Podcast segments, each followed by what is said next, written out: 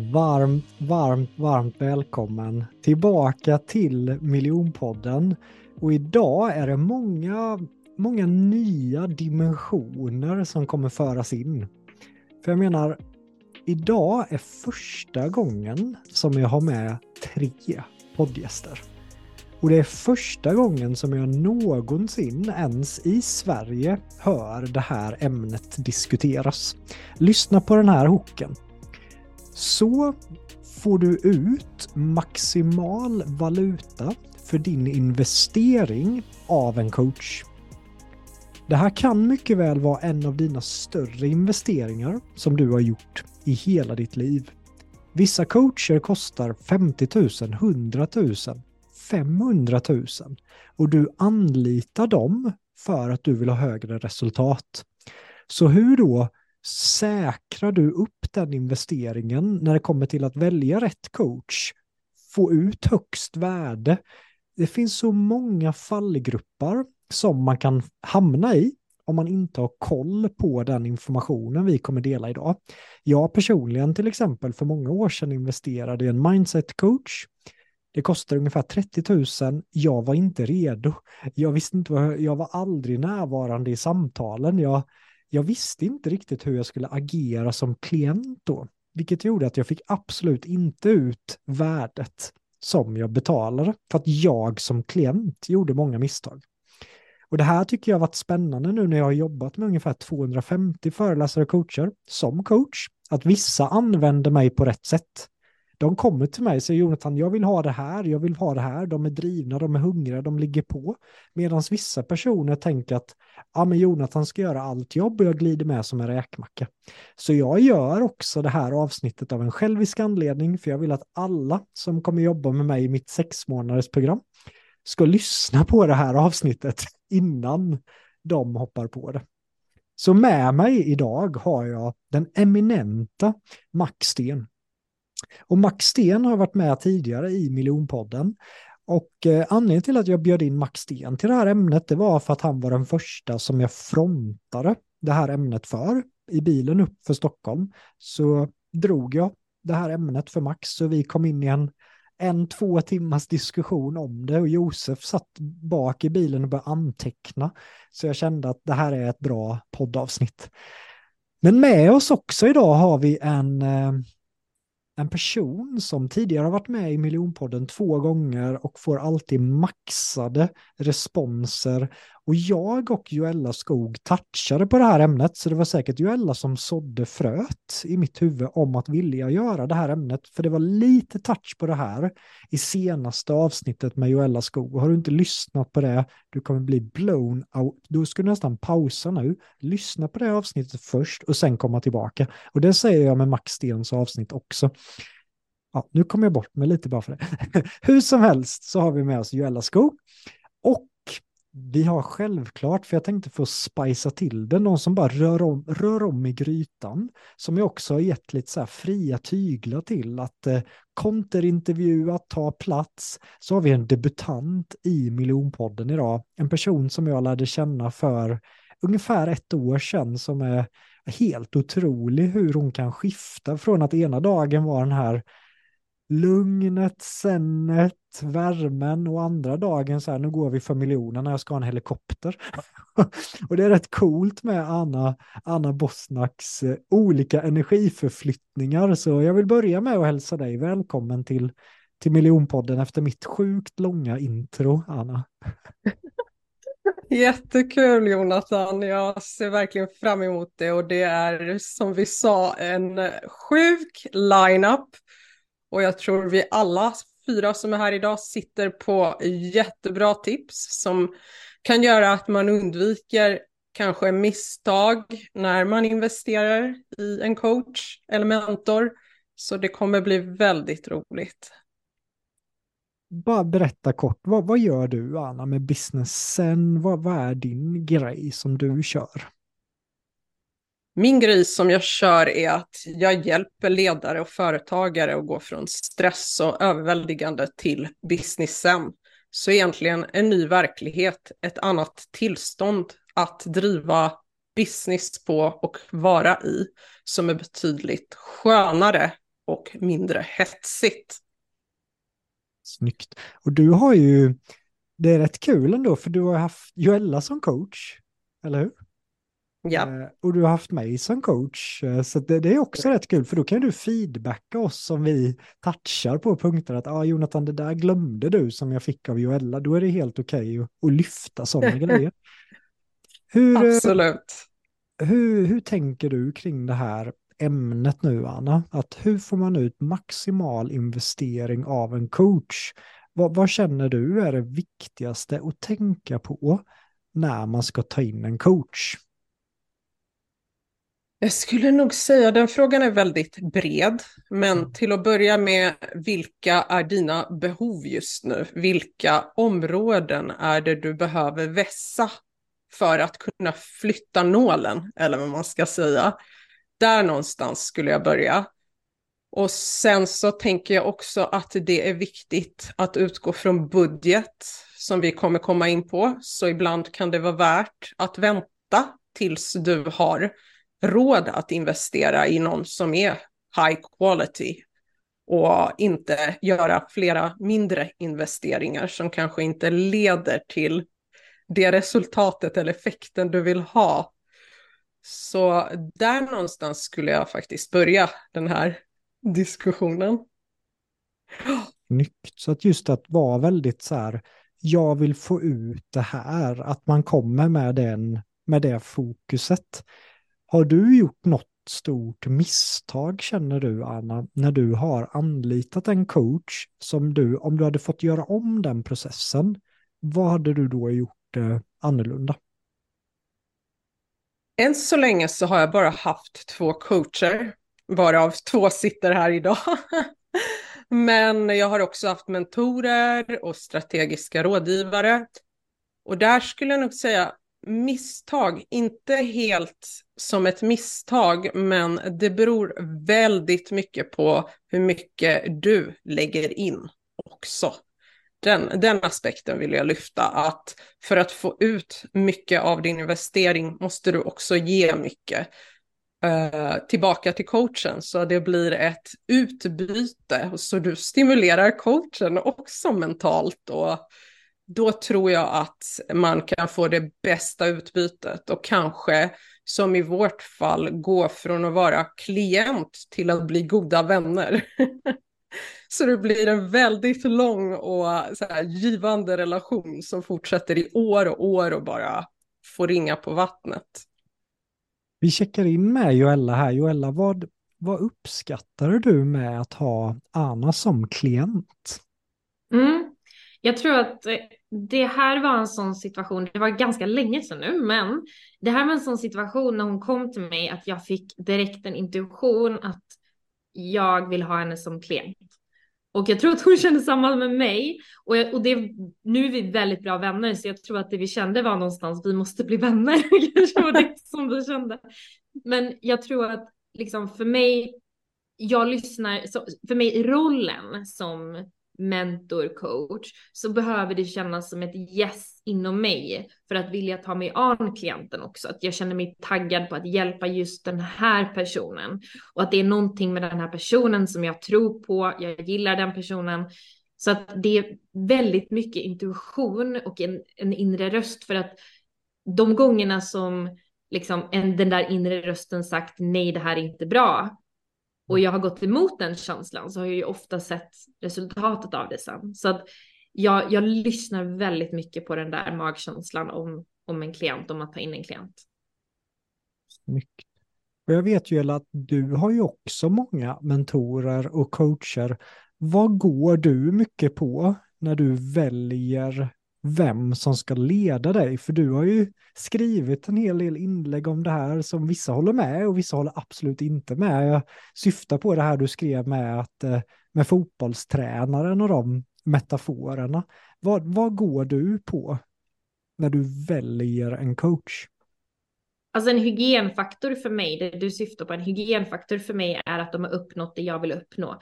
Och det behöver inte vara att alla är liksom multimiljonärer, coacher eller något sånt, utan det handlar om området jag tar hjälp inom. Förväntar jag mig att du håller dig själv till en väldigt hög standard, mycket högre standard än du håller mig inför. Mm. Och att du uppnår resultat inom det området du ska hjälpa mig med. Det är liksom, det här är inte ens något jag letar efter, det här är en hygienfaktor, jag kollar inte ens på annat liksom. Det är så här, det är en hygienfaktor. Mm, och sen, men sen så det som verkligen styr min investering därefter är helt och hållet intuitionen och vibe. Det är att jag dras till personens energi och det här handlar om, det är som att du träffar en person som kommer bli din framtida vän eller partner eller något. Alltså, det, det är ingenting som du kan förklara för någon annan, det är inget jag kan förklara för er. Det är en känsla av att vi, det är en slags igenkännelse i den andra personen. Att så här, jag gillar den här personens värderingar, jag gillar deras energi, deras vibe, jag gillar sättet han eller hon pratar om det här. Jag behöver mer av den här, eh, den här energin eller den här kunskapen eller den här typen av personen i mitt liv. Och det är så individuellt. Det är därför det blir väldigt så här när vi pratar om det här ämnet att få ut av coach och så vidare. Det finns inte en chans att, att alla skulle viba med samma personer jag vibar med. Vissa skulle hata några av de människorna jag investerat i, liksom. 100% mm. säker på, för att de inte uppskattar deras sätt att vara. Och det finns vissa människor jag aldrig skulle investera i för jag vibar inte med dem och det har ingenting att göra med att de är dåliga på det de gör eller att de inte kan leverera resultat.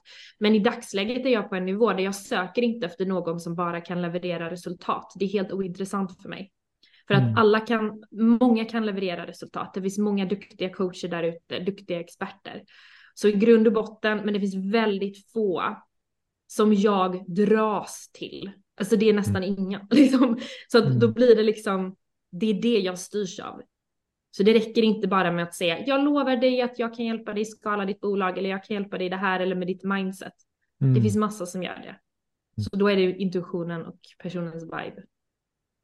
Snyggt. Så det är då om vi sätter oss i klientens skor att verkligen inte bara kolla på CVt utan också värderingsmässigt, eh, vibemässigt, Eh, Max Sten, är det något du vill lägga på där kopplat till just det här blocket som är så otroligt, otroligt eh, viktigt och, och välkommen in i uh, your second episode i Miljonpodden Max. Senast satt vi i Toscana och drack rödvin ihop.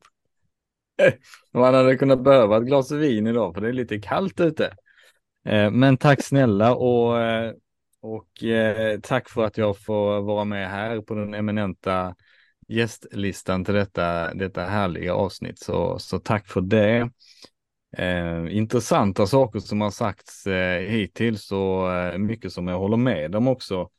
Eh, Joella var inne på det här med att ja, men, anlita någon som faktiskt har gjort resan. Eh, jag som har sålt otroligt mycket coaching i, i mina dagar eh, har ju eh, jag menar, det, det, har, ju, har ju hänt att någon har tyckt, om man nu tar Magnus Helgesson som exempel, som jag har sålt mest av då, någon som tycker att okej, okay, det kanske kostar lite väl mycket. Det är för mycket pengar för mig.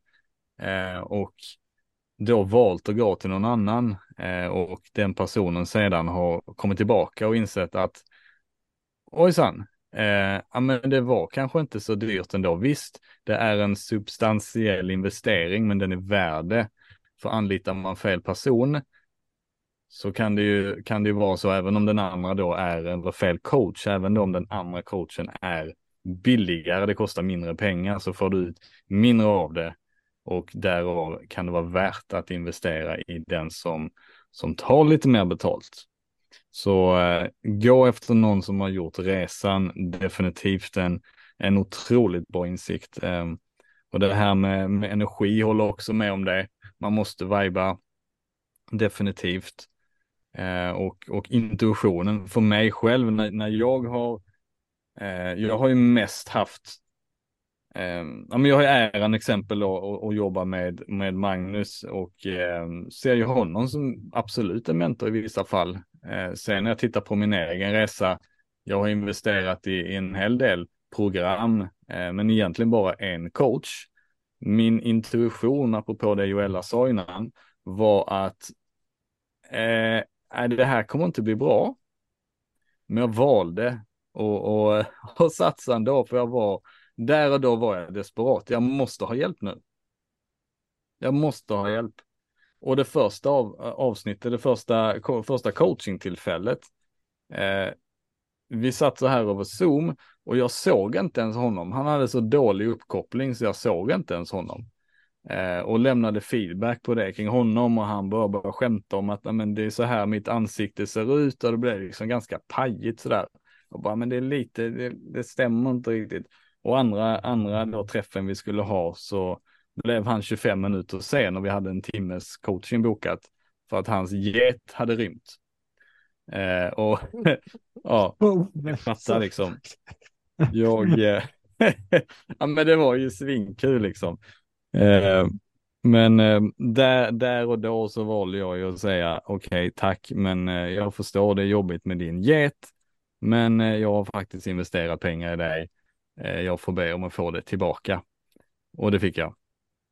Mm. Snyggt Max. Just geten kom väldigt så här. Um, bara en tanke jag ska snart lämna över till dig Joella för att du räcker upp handen bara innan jag tappar det. Jag tycker vi har ju då värderingar, vi har resultat, vi har gjort resan. Där vill jag väl utmana lite bara och säga att jag har inte anlitat coacher alltid som har gjort den resan som jag ska göra. Jag har anlitat coacher baserat på vissa byggstenar som jag känner att jag behöver för att nå dit jag vill. Kollar jag på Sibbe Silvén till exempel, han är ju min digitala coach. Eh, helt otrolig hur han har hjälpt mig med det här blocket. Han har inte direkt hjälpt mig att bli en coach och föreläsare. Men ju, idag är jag 90% digital och där är Sibbe en stor anledning till, till det, vilket har tagit mig så mycket längre. Så att så har jag ofta tänkt med coacher att investera i vissa spetsegenskaper som fyller vissa block som jag behöver. Vad, vad känner ni kring det? Eh, Han har ju gjort AI-resan, Sibbe. Så nu det, det jag. tycker jag är samma sak. Ja, ja men, men nu är jag. Men jag investerade och jobbade med Sibbe 2019. Var han duktig då? Absolut, men inte som han är idag. Så mm. han, då var han ju mer tekniken. Idag är ju Sibbe föreläsaren och coachen, men det var han inte när jag tog in honom som, som mentor. Nej, men han var ju duktig på sitt område. Så mm. att jag förstår exakt vad du menar, jag håller med dig. Så här, jag kan investera i folk som inte gått resan, men där jag känner det så här, du är bra på den här, alltså så här, mind, kanske mindset-delen eller money mindset eller vad det nu kan vara. Ja, det här är du riktigt bra på, så det här ska jag investera i, liksom för att jag vet att det här är en del av min resa. Så jag tänker exakt som det, att vissa är mentorer som blir förebilder och andra personer är experter inom områden. Så de är duktiga på sitt och då investerar man i dem. Men jag, jag tänkte också att jag ville bara säga det, något om det Max sa, det här med så här, jag var desperat och jag kände jag bara, och det tror jag att många kan relatera till som lyssnar, att man är desperat inom någonting. Mm. Och det är mm. generellt väldigt, väldigt dålig plats att ta beslut utifrån. Jag tror att Arne är väldigt bra på det här med beslutsfattande, så det kanske du har något att säga om sen. Men generellt när en kund kommer till mig och det märks att de är väldigt desperat, jag har väldigt, jag tar inte in de kunderna. För det blir ofta de här kunderna som behöver väldigt mycket från mig och jag kommer aldrig kunna leverera den nivån som de vill ha. För att de behöver så mycket hjälp. Så jag tror att det är bra att fundera på så här, okej okay, vad behöver jag? Och jag kanske inte ska ta beslut utifrån en desper desperat situation och inte mm. förvänta mig att en coach kan rädda mig för att ingen coach eller mentor kan rädda dig eller totalt förändra ditt liv från liksom ett mörker till ett liksom briljant ljus, utan det är du som gör det. Det är du som kund som tar dig ur. Jag brukar se det till mina kunder med så här, dina resultat, det är du som skapar, det är du som har skapat det här. Jag hjälper dig bara. Jag vägleder dig, men jag har inte gjort det, det är du. Så jag tror att det är viktigt att ha ansvar för sig själv och sina egna resultat och bara använda mentorer och coacher som vägledare, guider, coacher och inte tänka att det är min savior. Men det är väldigt lätt att vara där om man har ett stort problem. Men det är då man ofta kan ta de här felbesluten. Det är så jag tänker. Men jag tänker att Anna, jag vill gärna höra vad du har att säga om detta för att du jobbar ju med sånt här beslutsfattande och att kanske inte vara uppe i det här. Jag är desperat liksom. Vad gör man då om man känner att man är där? Ja, och jag tänkte dela med mig av det, men först vill jag ju säga eftersom vi har varit inne på att det ibland är bra att avvakta tills du har råd att ta in en bra coach, så vill jag också kontra med att några av mina bästa mentorer har varit, har jag kommit i kontakt med på väldigt otippade ställen. Eftersom jag har utvecklat mina affärsskills parallellt med mina inre skills. Så jag har ju inte bara haft coacher inom det affärsmässiga utan även inom det mer andliga, intuitiva hållet, till exempel buddhistiska munkar som inte kostar så mycket, men har liksom transformerat mycket av mitt mindset. Så det är också viktigt att veta att dessa coacher och mentorer kan komma från alla möjliga håll. Och mm. Eh, dyrast är inte nödvändigtvis alltid bäst, utan det är vad du behöver nu och se till att attrahera in det på någon vänster från en rätt nivå, inte från desperation, utan från den här jag vill växa, jag vill vara på den här nivån, mer den energin när du ska försöka hitta rätt typ av coach eller mentor skulle jag säga. Vad tycker du Jonathan? Bra tillägg och det som klingar också det är ju det du sa där att det är inte alltid den dyraste som är den bästa. Kollar man på en av mina coacher som jag har haft, eh, som då får man tänka att jag har haft coacher som David Phillips, eh, som tunga lirare som, som har varit mina coacher. Men den här liraren då, Spirit, han, eh, han var egentligen ingen coach, han bara började coacha mig för att han var, jag märkte att han hade någonting på scenen som jag inte hade. Han var så otroligt närvarande. Så jag frågar honom, hur blir man som du? Hur, du känner av, du tar in. Jag vill lära mig det. Och han sa, jaha, han blev helt förvånad. Bara, Kul, det får du jättegärna göra. Så vi började plugga teater ihop, jag och Spirit. Så varje tisdag var det teater i två, tre timmar. Advanced eh, på engelska. Eh, andra, så jag sket i grundkursen, så det var fett pinsamt att komma och suga på teater i en advanced acting course. Men hur som helst, så efter teaterlektionerna så stack vi då, så han coachade mig ungefär två till fyra timmar per kväll i närvaro.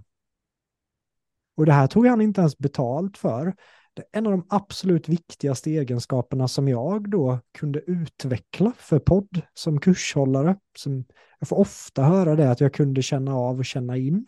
Det är tack vare Spirit. Och han, han är ju en klassisk målgrupp till mig. Alltså han fattar ju inte hur bra han var. Så han behöver bara lära sig det affärsmässiga. Men, men jag gillar det du sa där, att det inte alltid den dyraste. Det kan också vara den som är mest hungrig, som bara inte har fattat hur bra man är. Mm. Definitivt, definitivt. Och det känner man av. man, man känner av, tycker jag, star quality när man ser det. Mm. En, en annan grej jag gillar att testa, när jag tar in coacher som ska coacha mig och de ska lära mig en skill, då vill jag ju testa dem.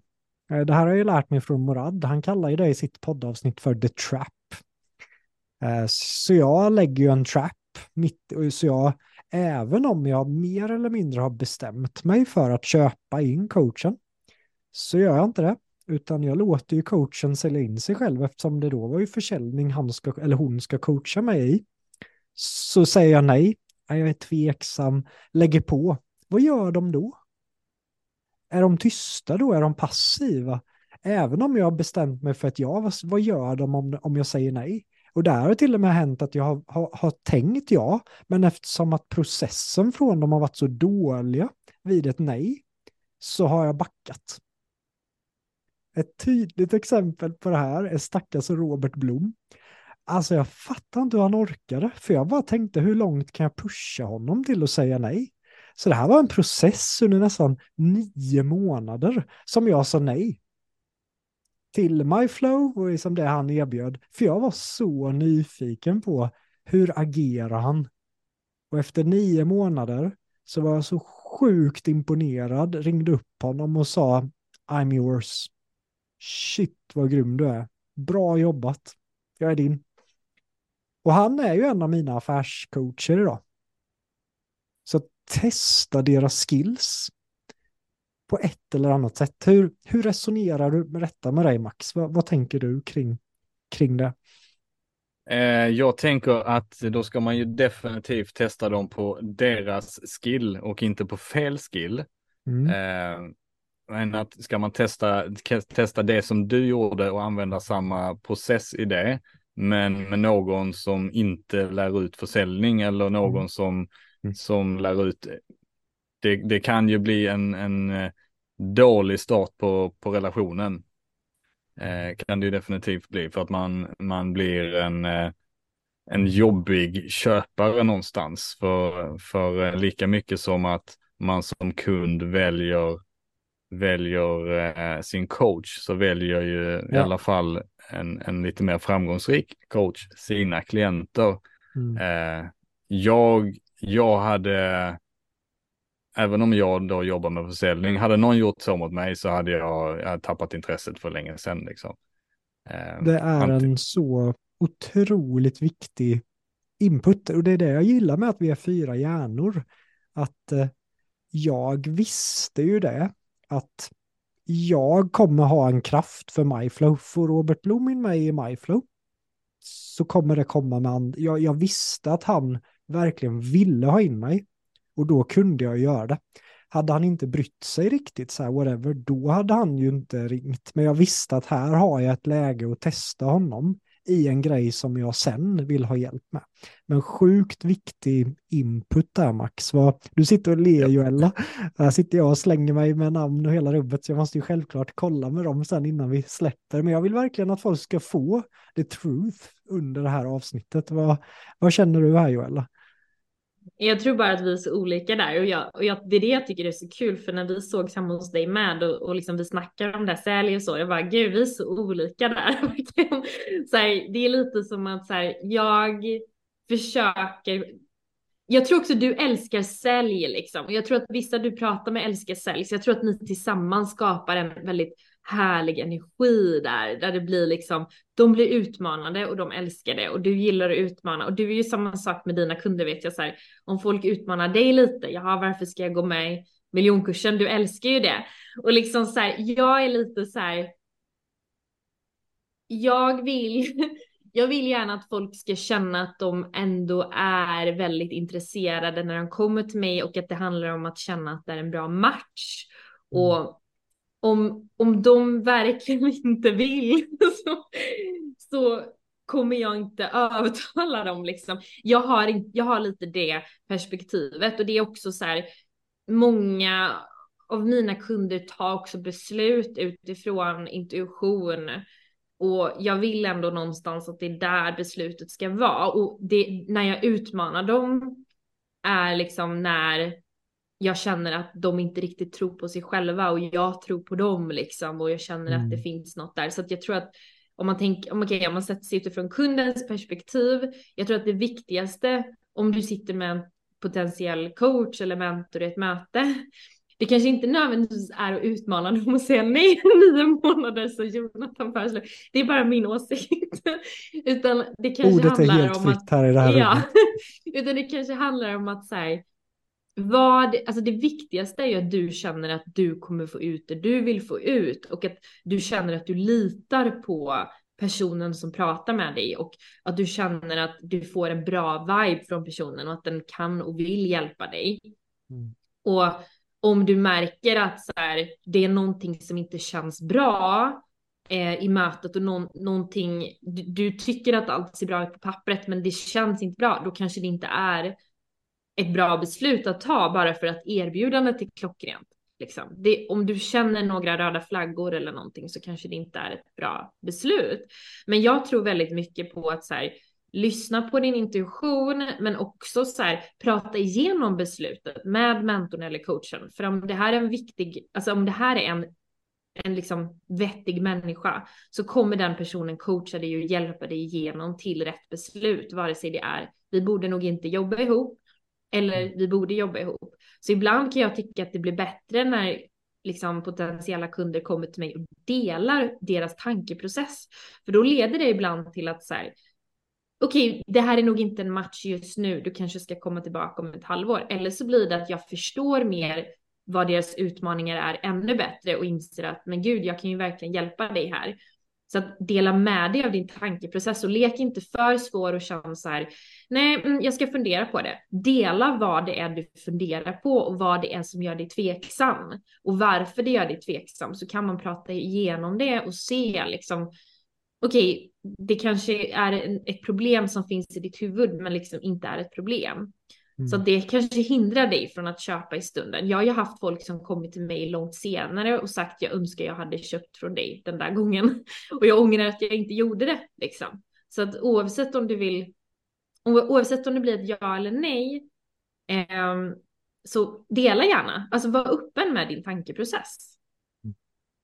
Snyggt. Tycker Joella är bra, inne på väldigt bra grejer där och jag vill ja. lite fördjupa det som jag sa innan det kom upp en tanke kring det. Att inte bara testa dem på rätt område utan det som du vill få ut av coachen. För ja. eh, jag som, som känner Robert hyfsat väl eh, vet ju vad han går för och jag kan tänka mig att han är extremt duktig och bra för dig i att eh, ja, men, vara den som är på jag är inte alls den som är på och vad jag upplever vad Joella säger är inte hon heller den som är på utan men, som du säger ska man testa dem så testa dem på det som man vill få ut av dem i så fall eh, mm. och, och, ha lite bollkänsla i det. Liksom. Snyggt Max. Jag tänker Anna, du har en sån häftig grej som du gör när du då, det här tycker jag är så mm. coolt med dig, det är ju som att du kliver in i kurser och sen blir du verkligen polare med de som leder kurserna. Och, hur jobbar du där egentligen? För jag kom på mig själv flera gånger i miljonkursen bara shit vad mycket jag har snackat med Anna nu. Och liksom bara, ja, men hon känns som en vän och inte, alltså hon känns som en medcoach till kursen typ. Och hur, hur, kliver, hur tänker du där? För det är så skickligt av dig tycker jag. Jag skulle nog säga Jonathan jag måste vara ärlig, det är en medfödd förmåga.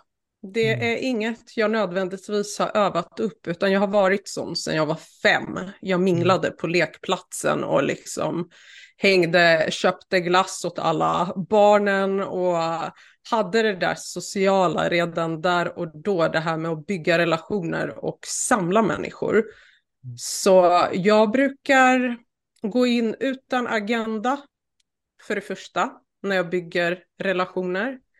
För det andra, eh, en vilja av att lära känna folk på djupet, vilket gör att vi väldigt snabbt connectar på djupet. Det kan gå fem minuter och de börjar berätta om sina pains eller eh, vad de har för utmaningar just nu i livet. Så jag skulle säga också att det är, det är en energi man känner av om någon vill ha ut något av en och man känner av om någon har eh, rena intentioner och vill lära känna en på riktigt. Det tror jag är en sån här faktor. Så det skulle jag säga, gå in utan agenda, inte vad kan jag få, utan vad kan jag ge och förvänta dig mm. inget tillbaka. Då brukar det bli succé. Det är en liten shortcut. Snyggt att du la på den också, att inte förvänta sig något tillbaka, för då blir den här lite mer så här armbåga sig in och det är ju någonting som märks av direkt. Eh, så det mm. var ett, eh, ett jättebra tips. Hur resonerar du Max med, med det tipset? Eh, otroligt, otroligt genuint eh, och eh, det speglar ju min, min bild av dig Anna. Eh, och eh, jättefint, jag gillar det. Mm, Får jag ställa en fråga till dig Jonathan? Yes, jag tänkte precis ställa en fråga till Joella, men visst. Nej men du snackar ju mycket om miljonhjulet. Mm, ja. Eh, och jag har ju en fråga kring det som jag snurrade på i, i försnacket med, eh, med communityt innan. Och det är ju hur man i så fall använder det för att välja, välja rätt coach. Snyggt. Absolut. Miljonhjulet har jag ju bara touchat på. Vi har, vi har inte gjort något rent avsnitt i miljonpodden än om miljonhjulet, men jag ser det som att det är min senaste så här, riktigt skarpa uppfinning. Och då, det handlar om synergin mellan produkt, sälj, marknad och mindset. Så det här betyder att vissa personer till exempel som kommer till miljonkursen, de kommer till miljonkursen för att de behöver en produkt i form av en föreläsning och en workshop och sen lära sig att framföra den produkten. Men de kanske är superstarka i mindset och de är superstarka i sälj. Det, det är produkten de kommer för. Medan vissa kommer till miljonkursen med prestationsångest eh, och de har ingen produkt men även så är de framgångsrika säljare. Då blir det ju mindset-aspekten som de kommer för. Så när någon kommer till mig till exempel, det var nu någon förra veckan, bara jag har ångest, jag har det här, kan du hjälpa mig? Och då var det ju tydligt i miljonhjulet att så här, det var inte produkt, det var inte sälj, det var inte marknadsföring, det var mindset som den här personen behöver en coach inom. Så då skickade jag den personen till eh, Emil Grabo som jag brukar göra. För han är mycket bättre coach än mig inom mindset.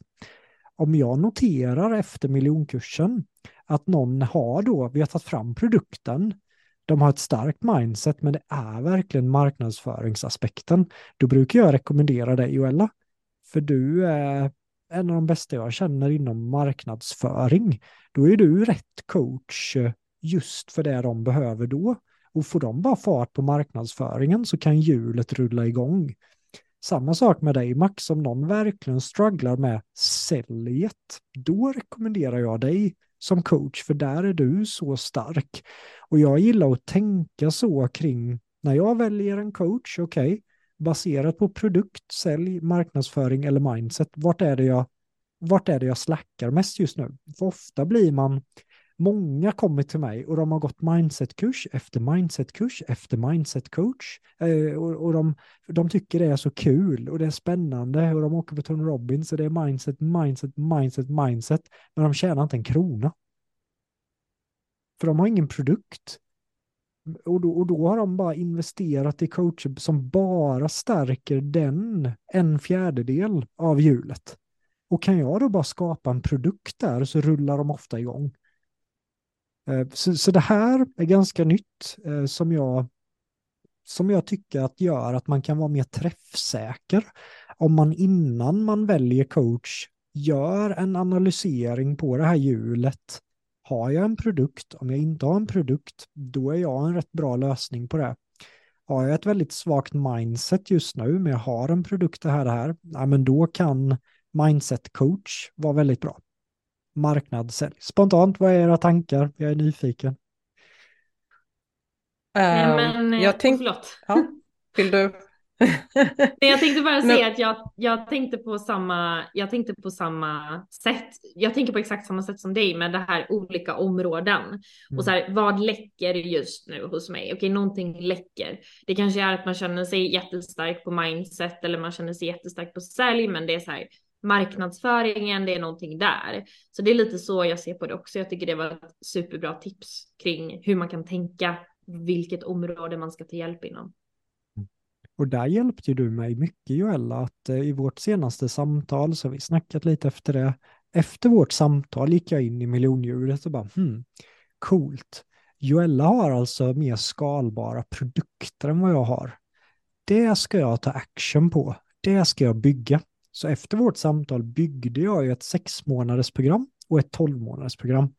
Och det var så mycket lättare att sälja in det till folk som tjänar över en miljon än vad det var att sälja communityt för 17 000 till folk som har noll. Och det var så, det var så mycket lättare sen att allting bara rullade på. För det var bara en liten skruvning jag behövde göra i produkten och jag, det var ju som att jag stal lite coachning av det i vårt förra poddsamtal.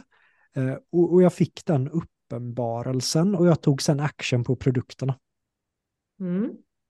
Det är jättebra. Det här är varför man tar hjälp av varandra och varför vi mm. pratar med varandra och varför mm. ni som lyssnar sitter och lyssnar nu. Det är ju för att man ska få den här kunskapen och se, jag kanske saknar något. För att ingen är perfekt, ingen har allt på plats, utan det är alltid någonting som kan förbättras. Det är det som är så kul. Liksom. En eh, kontroversiell fråga har ju varit att vissa som mer eller mindre så här, ja, jag var skuldsatt men jag investerade i en coach ändå, flera hundratusen och sen nådde jag min dröm. Och, och vi ser ju stjärnorna stå där och, och se, på scenen och hela rubbet. Men det finns nog väldigt många människor som också var skuldsatta, som också investerade. som inte tjänar några pengar överhuvudtaget utan de är fortfarande skuldsatta. Det här är, den här frågan bränns, den är känslig. När kan man investera? Behöver man ha pengar på kontot? Vad, hur, hur procentuellt? Hur, hur tänker ni kring den här frågan och hur har ni själva gjort? Jag tänker att jag kastar micken till, till dig här. Oj, ja, bra fråga. Eh, finns inget rätt eller fel, men eh, personligen så skulle jag inte vilja sätta mig i en knivig sits ekonomiskt. Eh, jag, jag skulle kunna tänja på gränserna och se till att få fram pengarna, men inte till vilket pris som helst. Då hade jag nog kanske avvaktat lite. Så någonstans sanningen är så vanligt i mitten. Att våga riskera lite och tänja på gränserna, men inte för långt, inte skuldsätta sig upp över öronen och lite som det Joella var inne på innan, att inte tro att en coach eller mentor är ens savior som kommer att lösa alla ens problem på en och samma gång. För att eh, då kan man vara inne på, ja, halmark tror jag. Mm. Yes, så det skulle jag säga. Jag vet att Max också är sugen. Men det, det där är ju någonting otroligt intressant Eh, och återkoppla tillbaka till, till att jag säljer väldigt mycket coachning. Eh, jag, eh, en, del, en, en, stor del i det som jag lär ut när jag lär ut försäljning och coaching handlar ju mycket om att sälja aldrig någonting som den personen som köper inte verkligen behöver. Eh, för det, det kan man göra och jag tycker inte det är snyggt. Jag håller inte på med det själv. Eh, och jag, jag, vet, jag har suttit i, i samtal så många gånger med människor som inte har haft ekonomin att upfront liksom köpa den coachingtjänsten. Men jag har också vetat rakt djupt, djupt, djupt inne i mig själv, djupt inne i hjärtat att bara vi får hjälpa den här personen så vet jag att det kommer bli väldigt, väldigt, väldigt bra för den. Och då eh, då gör jag ofta så att jag, jag delar risken med personen. Jag tar inte, jag tar inte fullt betalt upfront utan jag hjälper dem med en avbetalningsplan eller vad det nu kan vara som passar.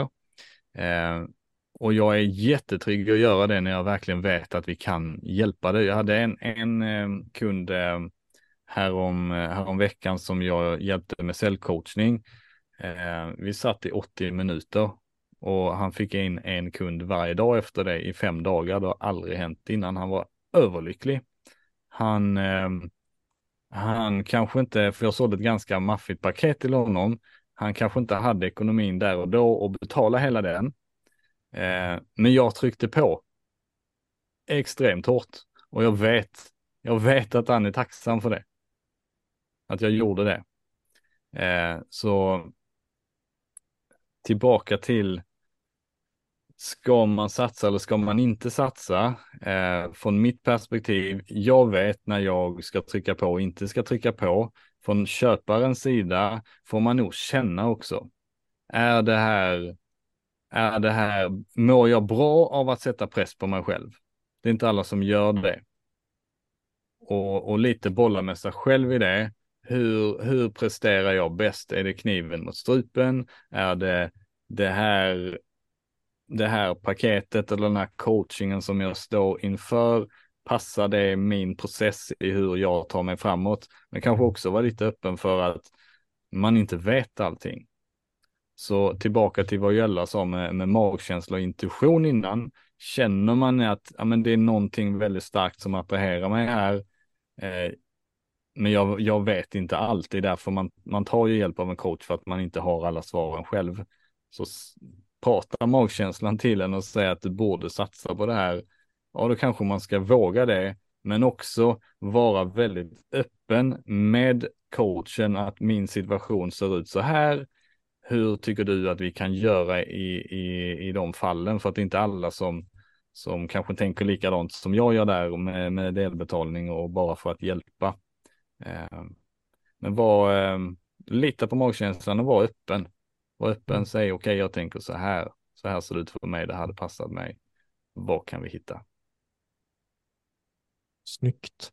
I miljonpodden har jag ju också för att jag inte vill att någon ringer mig och bara ah, du hetsade mig till att spendera alla mina pengar utan jag har nästan promotat lite mer safety eh, än att risk it all. Även om jag som äventyrare har risk it all eh, själv så är det inte riktigt det jag har velat promota. Men Tigran svarade ju på den frågan rätt bra med. Han sa ju att det är väldigt individuellt. Det är väldigt så här, vart är du bekväm någonstans? Och det är skillnad på att vara 20 år eh, och bo hemma eh, och inte ha så mycket utgifter och kunna bli nollad mot att ha två barn som ensamstående. Det är skillnad i de situationerna vad man kan investera och inte investera som också är viktigt att, att tänka på. Därför ska man inte sugas med att ja, men bara för att den personen maxade ett, ett lån kanske inte det passar dig just nu. Det här pratar Jan Bolmesson också mycket om, att ha en form av trygghetsbuffert på ett halvår, på ett år. Bara satsa först på att bygga en form av buffert. Och sen har man en form av mellanhink som man kan så här investera i lite mer trygga saker, indexfonder och hela rubbet. Och sen har man en lekhink. Och med den lekhinken kan du investera i högriskaktier. Eh, och då ska du alltid ställa dig själv frågan, om du investerar i en högrisk, kan jag förlora de här pengarna? Och om svaret är ja, så kan du leka med en viss procent av din ekonomi. Så har jag sett en del med beslut som jag har tagit med coacher och hela rubbet också. Jag har alltid ställt mig frågan, om jag, om jag investerar 250 000, som jag har gjort i vissa, kan jag förlora de här pengarna? Mm. Kan jag. Eh, jag har aldrig riskat att bli helt nollad förutom när jag bodde hemma. Eh, 19 år gammal och hittade David J.P. Phillips kurs. Kostade 10 000. Jag hade inte de pengarna. Prutade liksom allt möjligt. Han brydde sig kanske inte riktigt om en 19-åring. Så till slut ringde han upp mig och sa du får kursen för halva, halva priset, 5 000. Det var ju som 50 procent av mina besparingar. Så för mig var det mycket mer än att lägga 250 idag. Så det var den största investeringen procentuellt som jag har gjort i hela mitt liv. Och den gav sig tillbaka tusenfalt. Så det är så här, väljer man trygghet kan man också förvänta sig att saker tar längre tid. Eh, satsar man ibland man kan falla, men man kan också vinna mycket snabbare. Så det är hela tiden de här kalibreringarna som man får navigera utifrån. Det är bara mina åsikter. Anna, vad, vad känner du? Ja, och någonstans känner jag att man också måste kunna ta ett beslut. Jag tänker på när jag och Joella jobbade ihop. Det var ju innan hon hade Brand Accelerator Program och VIP-uppläggen som hon har idag. Då tror jag jag köpte något coachingpaket. På den tiden, då pluggade jag. Jag var så tjänstledig ett år utan lön. Och jag pluggade till stresspedagog. Och jag visste bara att jag kommer att fixa pengarna. Jag kommer förhandla med Joella. Bägge vassa förhandlare. Men vi ville så gärna jobba med varandra, så det löste sig. Och det tar mig också in på en annan aspekt. Vad som är viktigt att tänka på när du ska investera i en coach är att skapa utrymmet så du kan implementera det coachen lär dig. Den är så viktig. Annars, Mm. eh, jag tänker på den tiden, då pluggade jag heltid, jag hade övningsklienter, jag hade inte tid, men jag gjorde tid för att börja jobba med Joella och bygga varumärke på LinkedIn. Så det är viktigt att tänka på att inte bara gå i coaching, men inte ha tiden att implementera, för då blir det ju ingen bra investering. Vilket så här 10 av 10 tips, Anna. High five. High five. Jag kände mig så träffad där också på min investering i mindset-coachen. Att jag hade, jag blev stre- varenda gång jag såg att det låg i min kalender, jag bara, ah nej, Jag har inte gjort mina hemläxor, jag har inte lyssnat igenom, jag vet inte ens vad jag vill bli coachad i idag. Jag ställer in. Och så gjorde jag det tre gånger, sen blev coachen arg såklart. Och sen, det bara blev kaos, men det var mitt fel. För jag hade inte tid för det egentligen. Jag ville bara att han skulle hitta något i mig så jag kunde bli lite bättre. Det var allt jag ville. Joella? Nej, jag tycker ni har alla gjort så bra poänger här och jag håller med er eh, allihop om det här. Och jag tycker det här med investering och hur stor risk ska man ta, man är verkligen olika där. Eh, men jag tror också det är viktigt så här, för min del idag, för att nu utgår vi från att någon så här har noll kronor på kontot mm. och typ ska belåna sig och det är en helt annan konversation. Men det finns ju också en risk även för de som har pengar eller liksom man har kommit längre i företaget men kanske ska göra en stor investering och det är fortfarande en risk och det kan fortfarande vara läskigt liksom. Mm. Jag tror att så här mycket av det har jag noterat handlar om att lita på sin egen förmåga att tjäna ihop de pengarna även om investeringen inte är det du förväntade dig. Och det kanske låter liksom, jag vet inte hur det låter för folk som lyssnar, men för mig har det varit så här, men jag kommer kunna tjäna ihop de här pengarna. Jag litar på min egna förmåga att sälja, få kunder. Worst case scenario. Jag säljer några föreläsningar, jag säljer, och det kanske låter så här lite så här, för vissa som är nya kanske så här, what? Hur kan man tänka så? Men jag vet att vissa som lyssnar definitivt ändå känner igen sig i det, att så här, tillit till sig själv. Jag kan tjäna pengar. Jag kan sälja. Jag kan få kunder. För att alla investerar ju inte en coach för att man är i början liksom. Och för att man inte har några pengar, utan många av mina kunder har ju redan bra omsättning, har kunder liksom. Och de vill gå till nästa nivå och skala upp och sådär. Och de gör fortfarande en investering i mig. Och väldigt mycket handlar inte bara om att det går, de kan inte bara lita på mig. Det handlar inte bara om att lita på mig. De måste lita på sig själva. Man måste lita på sin egen förmåga att suga upp det coachen lär ut den. Eh, implementera det, som, precis som Anna säger.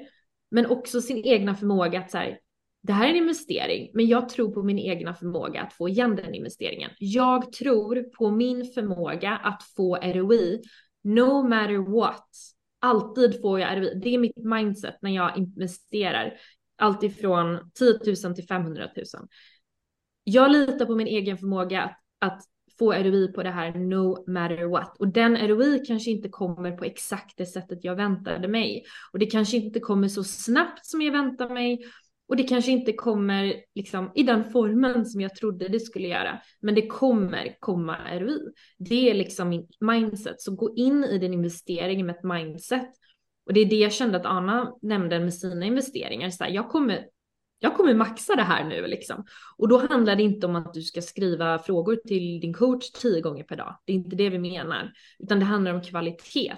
Så jag tror väldigt mycket, litar väldigt mycket på min egna förmåga att få ut eh, något av vem som helst nästan. För att mm. jag vet vad jag behöver och jag vet vad jag kan suga åt mig av och jag vet att jag kan ta, e, ställa en kvalitativ fråga och få ett svar som förändrar hela mitt liv. Typ. Mm.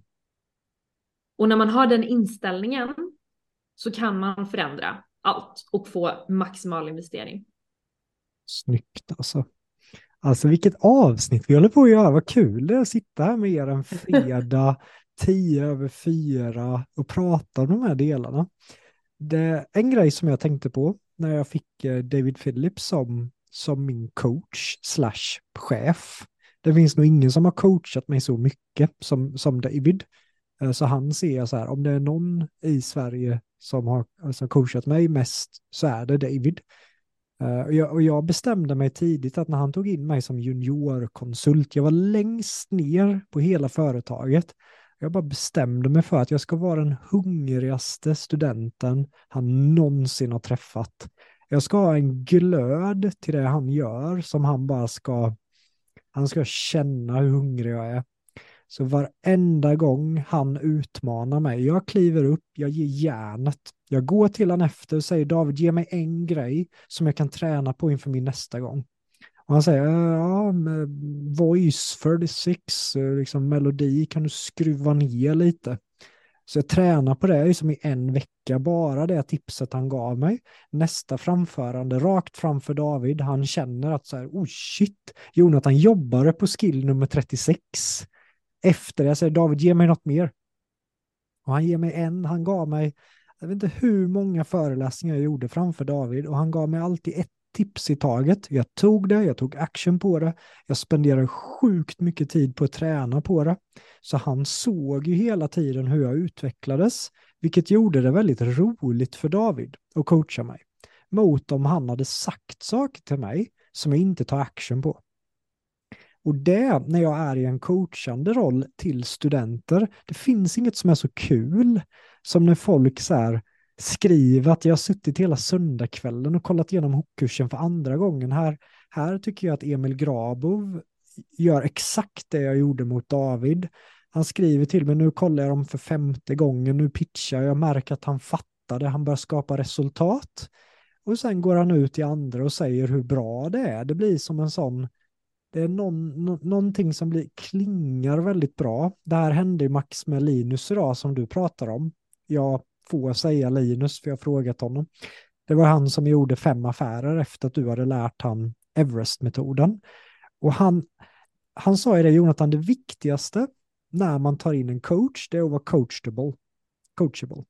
Alltså Max sa ju till mig, gör det här.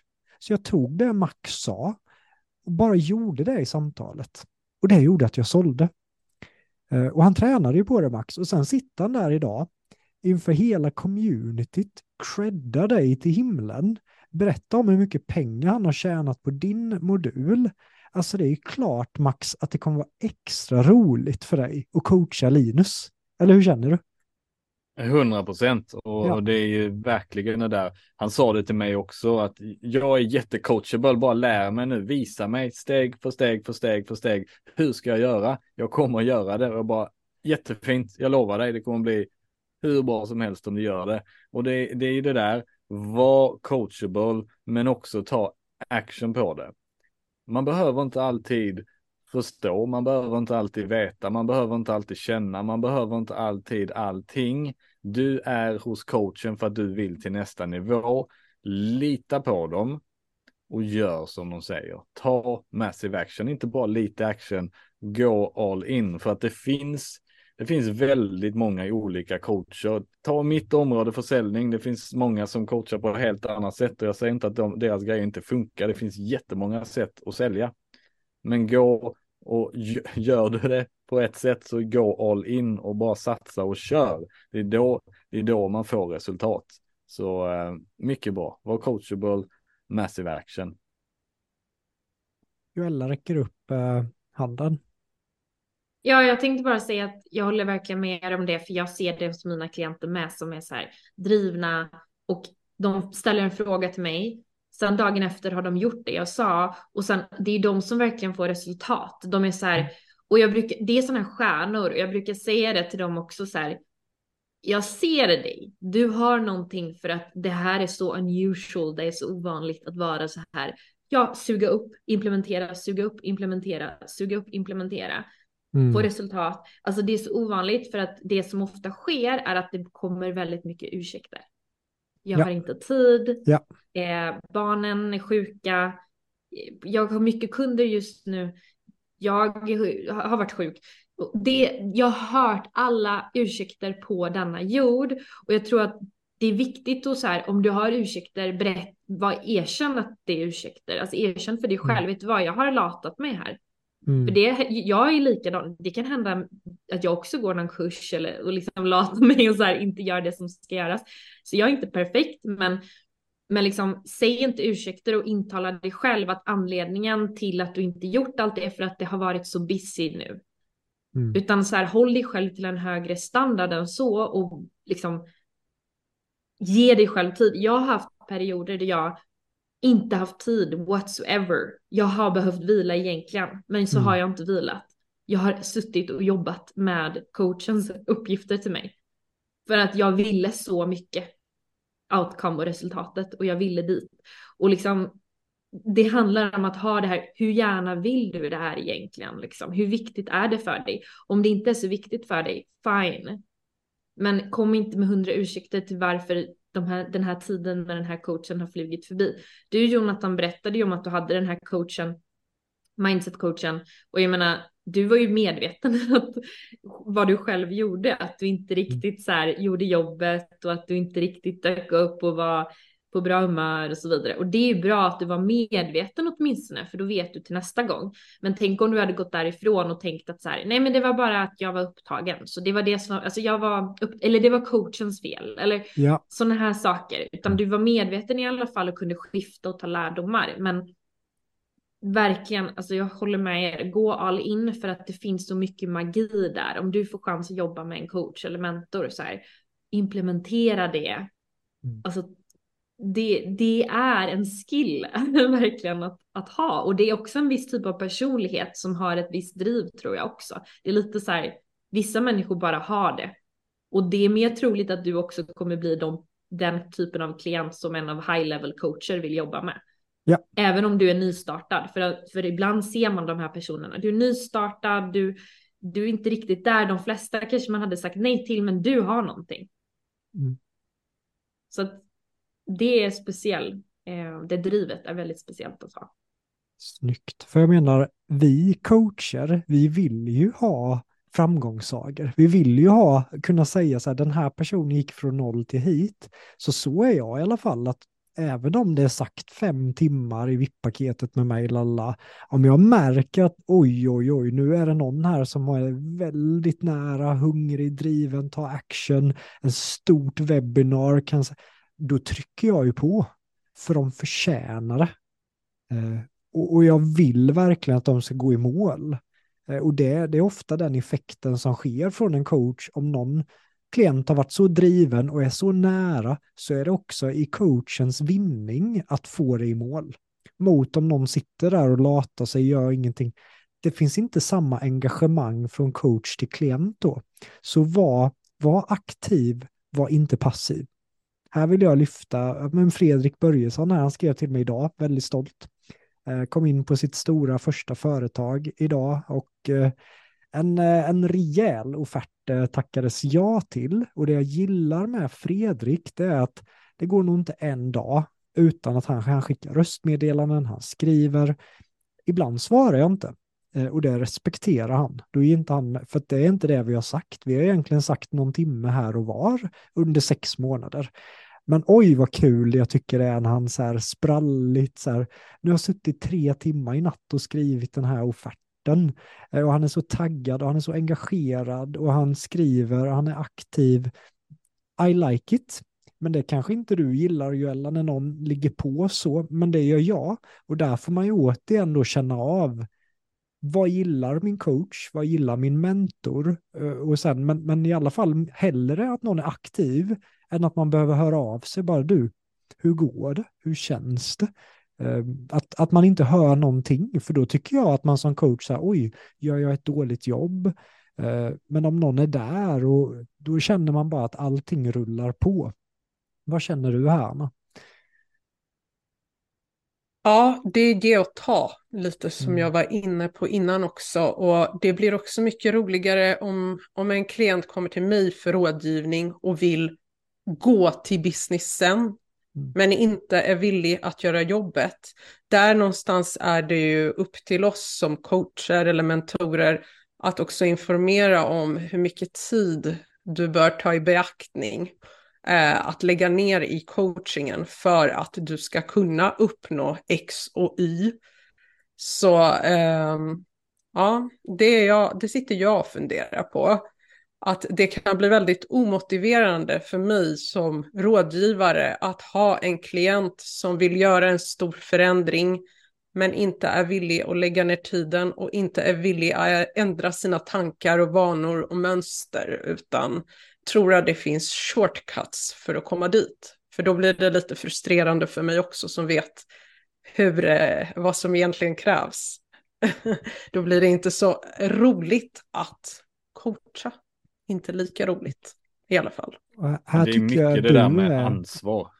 Mm. Ta ansvar ja. när, du, när du anlitar en coach. Ta ditt ansvar och, mm. och samtidigt och det som du är inne på Jonathan, var, men var inte rädd för att för att vara på coachen. Var inte rädd om man markerar om, man, om, man, eh, om det blir för mycket, men visa ditt engagemang och framförallt ta, ta ditt ansvar, för gör man ingenting själv och förväntar sig att coachen ska göra jobbet åt en, då är man väldigt, väldigt illa ute. Mm. Snyggt. Det var en grej som jag, just det, förberedelse för som klient till coach tycker jag är väldigt viktig. Så när, när Robert Blom var här senast då en hel dag, då spenderade jag ju en halvdag ungefär med att ta fram, jag tror jag tog fram 40 frågor ungefär. 40 konkreta frågor, 40-50 frågor kopplat till att bygga ett trainer-trainer-program. Och det här var frågor som jag själv hade försökt lista ut innan han ens kom. Som jag inte hade hittat informationen på. Så när han väl kommer och klockan börjar ticka, alltså det värdet jag fick ut efter den heldagen var helt insane. Och där visste jag att min investering här, alltså den kommer betala sig tillbaka gånger, gånger hundra. Men Robert sa till mig, Jonathan, vet vad jag uppskattar? Jag uppskattar att du var så förberedd. För då behövde inte han tänka så här, vart utan jag hade ju mina 40-50 frågor som jag bara smackade. Sen gjorde jag en annan viktig grej. Jag sa, Robert, kan jag spela in dig? Så jag spelade in ljudet eh, på hela dagen som jag kan lyssna på svaren Eh, av de här 40-50 frågorna som jag sen för in då i ett dokument så att jag har det. Det är så många gånger folk har kommit till Furesjö, betalt massa pengar, jag kommer in i flow och så ser jag att de antecknar inte, de spelar inte in ljudet och de tänker att de ska komma ihåg allt i huvudet. Eh, där, tappar man väldigt mycket pengar om man anlitar en coach, om man inte tar ansvar också för processen av att ta in informationen, spara informationen och bibehålla informationen. Eh, har ni varit med om det här? Ja, alltså jag älskar när mina klienter förbereder sig. Jag brukar också uttrycka det till dem att så här, till mina VIP-kunder som har one-on-one sessions med mig att så här, förbered gärna vad du vill gå igenom. Så kom inte bara på mötet och tänk så här, nu ska vi snicksnacka lite, utan nyttja den här tiden som ingår i ditt paket, att verkligen maxa och förbereda dig och det blir alltid som bäst då. Men det jag också ville ta upp eh, var vad för typ av frågor du ställer, alltså vad för, på tal om det här med att få ut maximal investering. För att till exempel mina kunder har ju möjlighet att skriva frågor till mig på Slack. Ehm, och då brukar jag, det är upp till mig som mentor och coach också att förklara för dem hur de ska använda mig. Och såklart, så det är inte bara för den andra att veta, som kunden får veta från början. Men jag brukar säga så här att jag kommer gå in och svara åtminstone en gång per dag. Om jag inte är för, om jag är för tillgänglig så ökar risken att frågorna blir väldigt låg kvalitet på och mm. att konversationen blir väldigt låg kvalitet. Um, och jag brukar säga ställ inte frågor som du kan googla. Jag vill inte ha en fråga hur man beskär en bild. Den frågan har jag fått. Jag vill inte ha en fråga hur man schemalägger på LinkedIn. Alltså, du kan googla. Ställ för guds skull inga googlable frågor till mig, YouTube-frågor, inga admin-frågor som du kan ställa till min assistent. Alltså, Ställ frågor till mig som mentor. Nyttja våra one-on-one sessions som det, inte att visa dig hur man gör något tekniskt. Eller något så, alltså det kan jag bli lite så här stressad och frustrerad över när sånt sker så jag försöker kommunicera. Ställ frågor med bakgrundsinformation runt det, kontext och, liksom, och ställ en bra fråga. Så, så har jag alltid tänkt när jag har ställt en fråga att så här, jag, ställ, jag behöver inte ställa frågor varje dag hela tiden, utan jag har mina moments när jag känner att nu undrar jag någonting. Nu har jag en fråga. Så nu ska jag skriva till min mentor eller coach och jag ska skriva lite längre. Jag delar kontexten kring det, hur jag resonerar och ställer en väldigt specifik fråga, inte bara så här. Har du några tips kring det här eller vad är dina mm. tankar?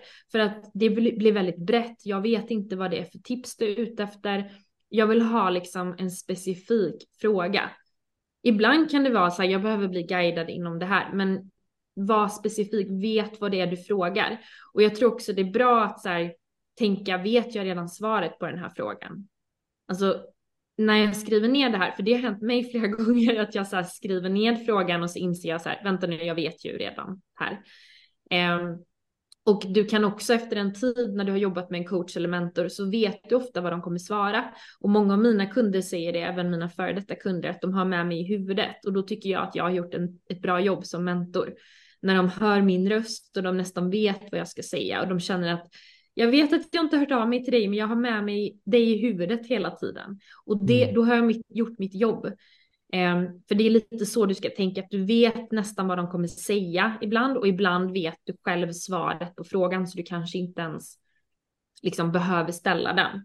Så att tänk på att ställa kvalitativa frågor, ehm, för det är då du får ut maximalt. Det handlar inte om att ställa tio frågor, tycker jag, eller 20 frågor, utan det handlar om kvaliteten på det. Gud, jag känner mig träffad nu också från en, när jag frågade David bara, jag fattar inte hur Slack, jag fattar inte min mail, jag pepprade honom med sådana frågor. Ja, det är eh, sånt som skulle bli mig. Jag bara, ah, googla. Men där är det också viktigt för coachen då att utbilda i att jag uppskattar de här frågorna, de här, det här är mina styrkor, det här, så att, så att man som coach då tar det ansvaret också. Så inte klienten känner sig dum. Vilka frågor är kvalitativa frågor? Vad, vad tänker du kring det här Max? Ja, definitivt och sitter även och funderar på att man som, eh, som kund kan eh, ja, men lite, lite fråga coachen hur, ja, men hur förbereder jag mig på, på bästa sätt, men även att, att eh, testa, om vi nu går tillbaka snabbt till det, att testa coachen i att hur ser de optimala förberedelserna ut? Har, har den här coachen tänkt igenom det här tillräckligt mycket så att det finns tydliga tydliga riktlinjer för hur man förbereder sig.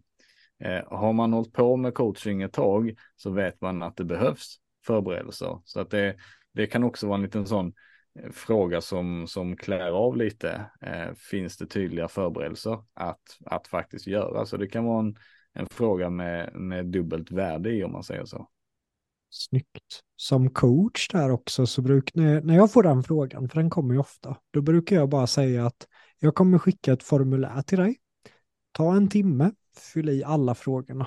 Och i det formuläret så är det verkligen, har du en produkt, vad är dina utmaningar kring sälj, vad är din story och hela rubbet? Så inför våran session så har jag läst det formuläret, tagit en promenad och grubblat lite på det. Och bara där kommer jag in mycket mer förberedd och de känner att det var mer proffsigt, att de fick fylla i ett formulär i alla fall. Så det var en sån ganska enkel grej jag la på som bara klienterna köpte. Att så här, ja, proffsigt, även om det inte var en stor grej att ta fram ett formulär så var det någonting i alla fall. Ja, ja men jag tänker på att vi också inte ska glömma här att det är en process så med tiden kommer man att bli mer och mer coachable och man kommer att ställa mer strategiska frågor. Vi alla börjar ju någonstans, så du som kanske köper din första coachtjänst eller din första mentor mm. kommer inte ställa frågor i samma nivå som Joella eller Jonathan. Där får vi komma ihåg att eh, klienter är på olika nivåer och eh, i början blir det lätt att man ställer lite dumma frågor eller vad man ska säga, sånt som man själv kan googla sig till. Men det är också en process, så ju mer du blir coachad, ju mer du blir utmanad, desto bättre frågor ställer du. Och till slut desto mindre frågor ställer du. För du börjar tänka så pass mycket själv att du inte behöver ställa frågor längre en av de sista grejerna som jag vill toucha på är så här att ja, men om man inte har råd med en coach som man verkligen vill ha, vad gör man då? Ja, eh, ja, så här. Jag har ju dels en hel del gratis grejer jag gör. Alltså jag gör Instagram lives, jag gör Facebook lives och så vidare. Jag har också low ticket, alltså jag brukar sälja masterclasses eller liknande för typ 700 spänn. Ehm, jag har allt mitt content på sociala medier. Så personligen så ger jag enormt mycket på daglig basis och jag har också billigare grejer man kan köpa. Och jag har väldigt många som så här, köper mina billigare grejer och bara Joella, jag kommer söka till ditt program. Jag, mm. jag måste bara spara in lite pengar, men jag köper alla dina masterclasses. Jag kollar på allt du gör och, och det är liksom, då känner jag ändå att de får ut mycket av det liksom. Och även om du inte har råd just nu så Följ personer på sociala medier, konsumera deras content som är gratis eller billigt för att det finns sjukt mycket värde ibland i de här gratis eller billiga grejerna. Ibland kan det vara att man bara, okej, okay, det här var typ en säljpitch, men många är duktiga på att ge värde. Jag ger väldigt mycket värde. Jag, jag spenderar inte en timme på att sälja, utan jag ger värde. Och du kan få väldigt mycket av att bara lägga 500 spänn på en masterclass eller någonting low ticket för att många coaches, nu ska jag dela med mig av strategi, många coaches strategi är att dela med sig av någonting low ticket, alltså billigare för att du ska känna wow vad mycket värde det här är. Jag vill gå in i deras program så att de här low ticket grejerna har ofta extremt högt värde. Mm. Det är väl liksom en så här branschhemlighet då. Men liksom det är väldigt högt värde där. Så jag har ju köpt massa sådana grejer också innan jag investerade high ticket hos vissa för att jag bara inte var, inte för att jag inte hade råd utan för att jag bara inte riktigt var redo för deras dyrare grejer liksom där jag var. Och jag har fått sjukt mycket värde av deras billigare grejer också och känt att vissa, alltså jag har helt skiftat mindset ibland bara av att kolla på någons föreläsningar liksom. Mm. Så att nyttja det, alltså vad som finns online och vad som redan är billigt eller gratis först. Det finns jättemycket transformation du kan få av att lyssna på människor där.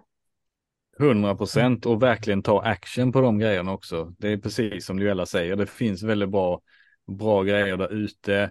Hitta någon som du gillar där, eh, som du går igång på vad de säger, hur de säger det, deras budskap, deras tankesätt, deras process det finns väldigt mycket där ute som man kan ta del av. Ehm, jag gjorde, jag gjorde en grej för, för några år sedan när det fanns en sån eh, person som jag följde. Eh, jag hade verkligen inte råd där och då, det var, var ett tag sedan, eh, att investera i, i deras program då, coachingprogram som ändå låg på en hundring. Eh, men det fanns mycket av den kompetensen, eller mycket av den kunskapen fanns i, en digital produkt som jag visste att en vän till mig hade. Eh, så jag ringde den kompisen och sa, du, eh, min situation ser ut så här. Får jag låna dina inloggningsuppgifter? Och det fick jag efter många om och men. Men sen tog jag sån massive action på det att jag hade råd att betala tillbaka dubbelt upp och den personen då som sålde den här kursen. Nu har jag lagt väldigt, väldigt mycket mer pengar än vad jag skulle ha gjort från början. Och de vet inte ens om det. Jag har köpt allting som de har skickat ut i, eh, på, på nätet. Bara, bara för liksom tillbaka. Jag är så otroligt tacksam för vad jag har lärt mig där. Eh, och så det, det, det, den kanske man kan göra också. Men gör man det så tycker jag att man ska betala tillbaka också. Och, eh, och säga okej, okay, jag, jag gjorde så här wow. på något sätt. Respekt alltså. Och berätta också för coachen, alltså så här, jag älskar att få meddelanden där folk ja. säger så här, Joella bara av det du skriver på Instagram eller det du pratar om dina masterclass, jag implementerade det och jag har redan fått resultat. Alltså jag älskar att höra det liksom. Och, och, det är också ett sätt att det här med ge tillbaka, bygga relation, grej som Anna pratade om tidigare. Så här, berätta liksom vad du, vad du har fått ut av det här och jag menar det skapar ännu mer motivation i coachen att vilja leverera ännu mer sådana här grejer till billigare och liksom mer accessible priser och, och eh, content, gratis content för att man ser att folk faktiskt kollar, de kommer, de konsumerar, de implementerar. Så berätta, liksom, om, om du uppskattar Jonathans podcast till exempel, mm. hör av dig till Jonathan och man blir säg glad. wow vad det här har ja. hjälpt mig ja. och jag har börjat implementera de här grejerna jag har hört. Snyggt alltså. Jag eh, jag försöker också tänka så här att om någon, om någon hjälper mig med något bra eller de säger något vettigt som gör att jag får resultat, vilket jag har älskat med miljonpodden, för då sker ju det med så många människor hela tiden, eh, då blir jag ju världens ambassadör för de personerna. Och promotar dem, jag eh, skickar kunder till dem, jag säljer in deras böcker, deras event. Så det är som att jag blir en ambassadör för dem. Och då är det viktigt, och det du sa där Anna, utan att jag förväntar mig att så här, nu är du skyldig mig det här, utan jag bara kliver in straight, så här, nu promotar jag dig, jag vill ditt bästa, lalala. Och det som händer är ofta att de då ringer mig helt spontant och bara nu har jag lärt mig det här, jag tänkte att du kanske är intresserad av det här. Senast vill jag verkligen tacka Tigran då, men jag promotade hans avsnitt rejält, jag åkte upp på hans konferenser, liksom verkligen skickade många till Stockholm. Förväntade, tackade nej liksom, till affärs, utan bara, jag ville bara hjälpa honom. Han ringer när jag satt i bastun förra veckan och sa det, så här mycket sålde vi för på eventet och jag tänkte dela en stor hemlighet med dig hur man gör det på sådana event, du som ska också hålla sådana här event, vill du, vill du höra? Och jag sitter där i bastun och liksom med mobil och han gav mig en sån grej som jag bara, damn, det där hade jag betalt hundratusen bara för det tipset. Tack. Eh, och det där händer varje vecka, att någon ringer mig och bara ger saker som är typ bäst i Sverige på det de gör. För att jag har varit deras ambassadör. Ja, jättebra. Och det är också på tal det här, jag, vill, jag kopplar tillbaka till det här Anna säger om relationsbyggande och det du pratar om Jonathan, för att jag tänkte på det också, så här, jag har ju också turen att ha väldigt många vänner i den här branschen och, och sjukt duktiga, inklusive ni som sitter här idag. Och jag tänker också så här, wow vad man får hjälp. Alltså, jag menar, okej okay, jag började som coach för Anna men nu i vår vänskap känns det ibland som att hon är min coach i, i massa Sam, grejer. Samma här. Liksom. Ja, alltså, så, så jag menar, och det känns ju så här, wow vad häftigt att man får vara så nära Anna, att hon är min vän liksom. Och mm. det började ju med den här relationen som, som byggdes. Så att, relationsbyggande, där kan du också få ut väldigt mycket av att liksom vara med i de här hos coacherna och lära känna människor, vare sig du köper från dem eller inte. Liksom. Att det är ju guld värt att, att känna de här människorna och kunna hjälpa varandra och, och få tips som precis som du säger att du hade betalat en stor summa pengar för att få de tipsen. Och så har jag också känt ibland med, med, liksom, med vänner, helt klart ser fram emot nästa vecka Joella när du och jag ska sitta någon timme eller yeah. två och bara bolla våra utmaningar. Det blir helt, I, I love it alltså. Jag med, jag med. Alltså klockan bara springer här. Jag tänkte att vi bara dra en kort wrap-up om det är någon av er som vill lägga på någonting nu som ni kanske inte har fått en fråga om, som ni ändå känner att det här vill jag ändå ha sagt. Max. Tänker på, på en grej, lite kopplat tillbaka till till miljonhjulet och, och liksom livet runt omkring. Eh, för jag satt och jag blev påminn om det här igår när jag satt i ett, eh, i ett eh, rådgivningssamtal med en, eh, en kund, vilket, eller en potentiell kund ska jag säga, eh, som behövde hjälp med ett antal olika områden.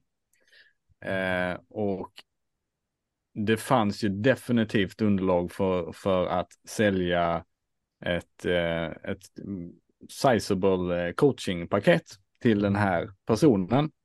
Men hon, hon behövde hjälp med sin hälsa först och främst.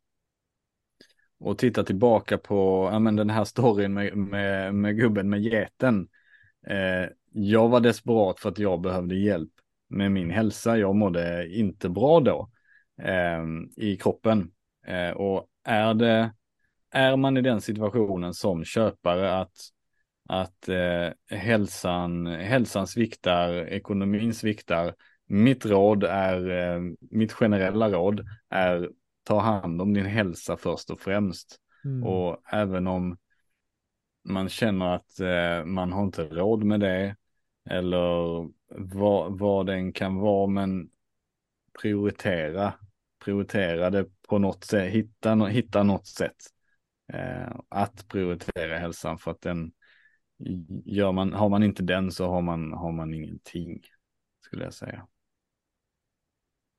Så jag håller helt med dig Max, för att ibland, vi är ju i den här branschen och alla vi självförverkligar oss och våra klienter i sin tur vill självförverkliga sig. Men det är ju ingen idé att hoppa in rakt på självförverkligande om du inte har the basics in place, liksom. Sömn, kost, rörelse och du ska utveckla ditt mindset till att bli Förstår ni vad jag menar? Det, det är bra att ha en bas också. Det du är inne på med hälsan. Börja liksom. Bygg huset nerifrån och upp.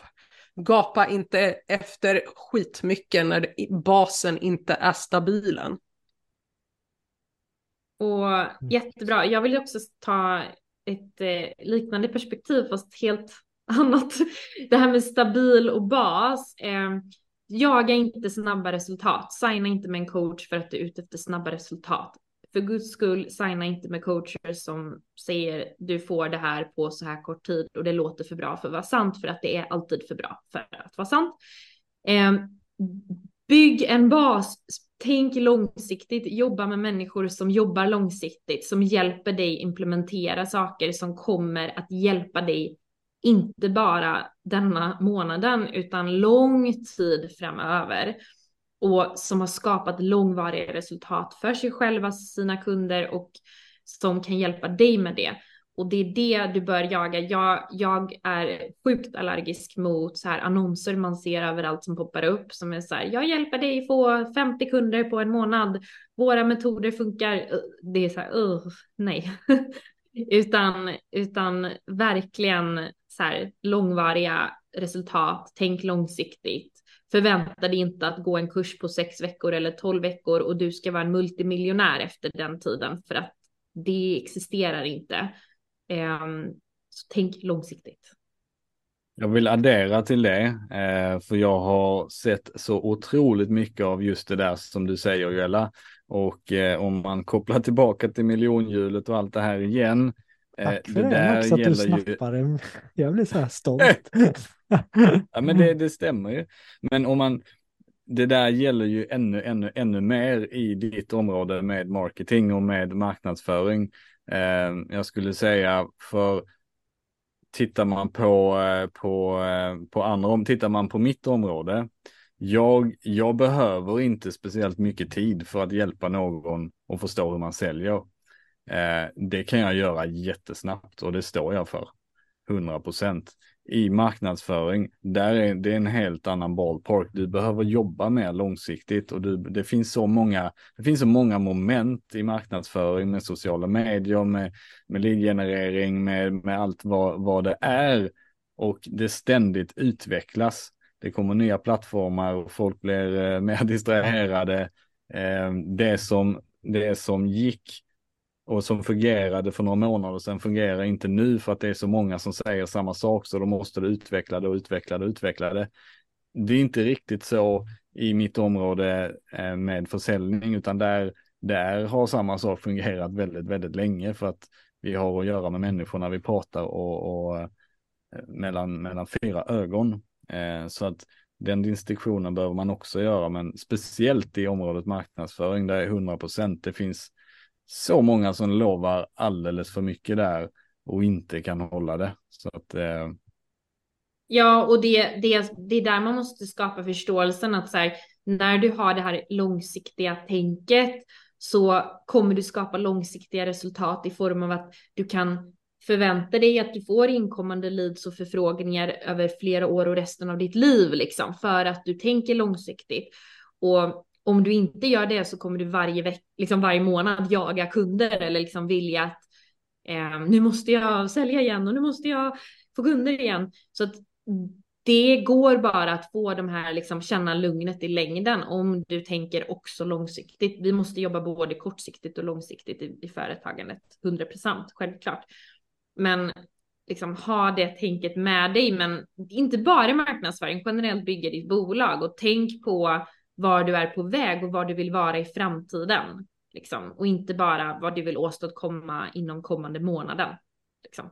Och, och, många av dina investeringar i coach kommer du se resultatet av också om några år. Så kommer du förmodligen höra av dig till den personen och bara om du bara visste hur mycket jag har fått ut av att vi jobbade ihop för några år sedan. Alltså det är verkligen så. Um, så ha det tänket med dig. Alltså vet ni vad jag tror skulle vara den absolut mest maxade investeringen som man kan göra för det absolut procentuellt högst resultatet man någonsin kan föreställa sig? Vad tror ni det är? Anlita oss. en mastermind med oss fyra. Jag tänker så här, vi fyra är som ett miljonhjul. Jag ja, är jag inte bäst på produkt, men kanske en av de bästa på produktaspekten. Max, sälj, Joella, marknad och Anna, mindset och marknadsföring. Du är, skulle du definiera dig själv Anna som mindset eller marknadsföring med business sen? Affärsutveckling och ja, sen definitivt precis. en hybrid ja, av business en, och sen. En, en hybrid där. Men det hade varit en rätt mm. maxad och det, det gillar jag verkligen gälla hur, hur vi har börjat skicka lite kursdeltagare fram och, fram och tillbaka. Men eh, det hade jag rekommenderat att investera i oss alla. Men... Och när gör vi det då? Eh, ja, men det får vi göra hemma hos Peppe Ekmark nästa Mastermind 2025, för 2024 blir fullbokat direkt. Men så här va, kort summering. Som klient, fall inte för mycket för det här urgency-aspektet i samtal med coachen som kan bli. Det var ett företag jag jobbade som säljare för och så fanns det typ tio platser kvar så sa, sa de till mig det finns en plats kvar. Jag tänkte what? Så Jonathan, det finns alltid bara en plats. Det stressar kunderna mer till att ta. Och jag bara jaha. Men den är lurig som klient. Be om en vecka, be, alltså be om tid där du kan landa i det så att du inte ta beslut för mycket i den här urgency-aspekten. Ibland behöver man som coach lägga på urgency-aspekten. Igår när jag pitchade mitt community gjorde jag det för att jag inte har tiden att checka in med folk. Så här, vill du vara med? Jag sa så här, klockan tre imorgon vill vi ha ett beslut. Annars så kostar det så här mycket. För att jag orkade inte göra det jobbet. Men i one-to-one-samtal var försiktig med att ta beslut direkt. Reflektera, hur ser min situation ut om jag tackar ja till en coach nu som kräver den här tiden? Funkar det i den situationen jag har just nu? Därav blir det svårt för mig nu när jag har torsdagskvällar med miljonkursen. För att om jag tackar ja till en annan kurs som går kvällar så är det Amanda som får lida för det.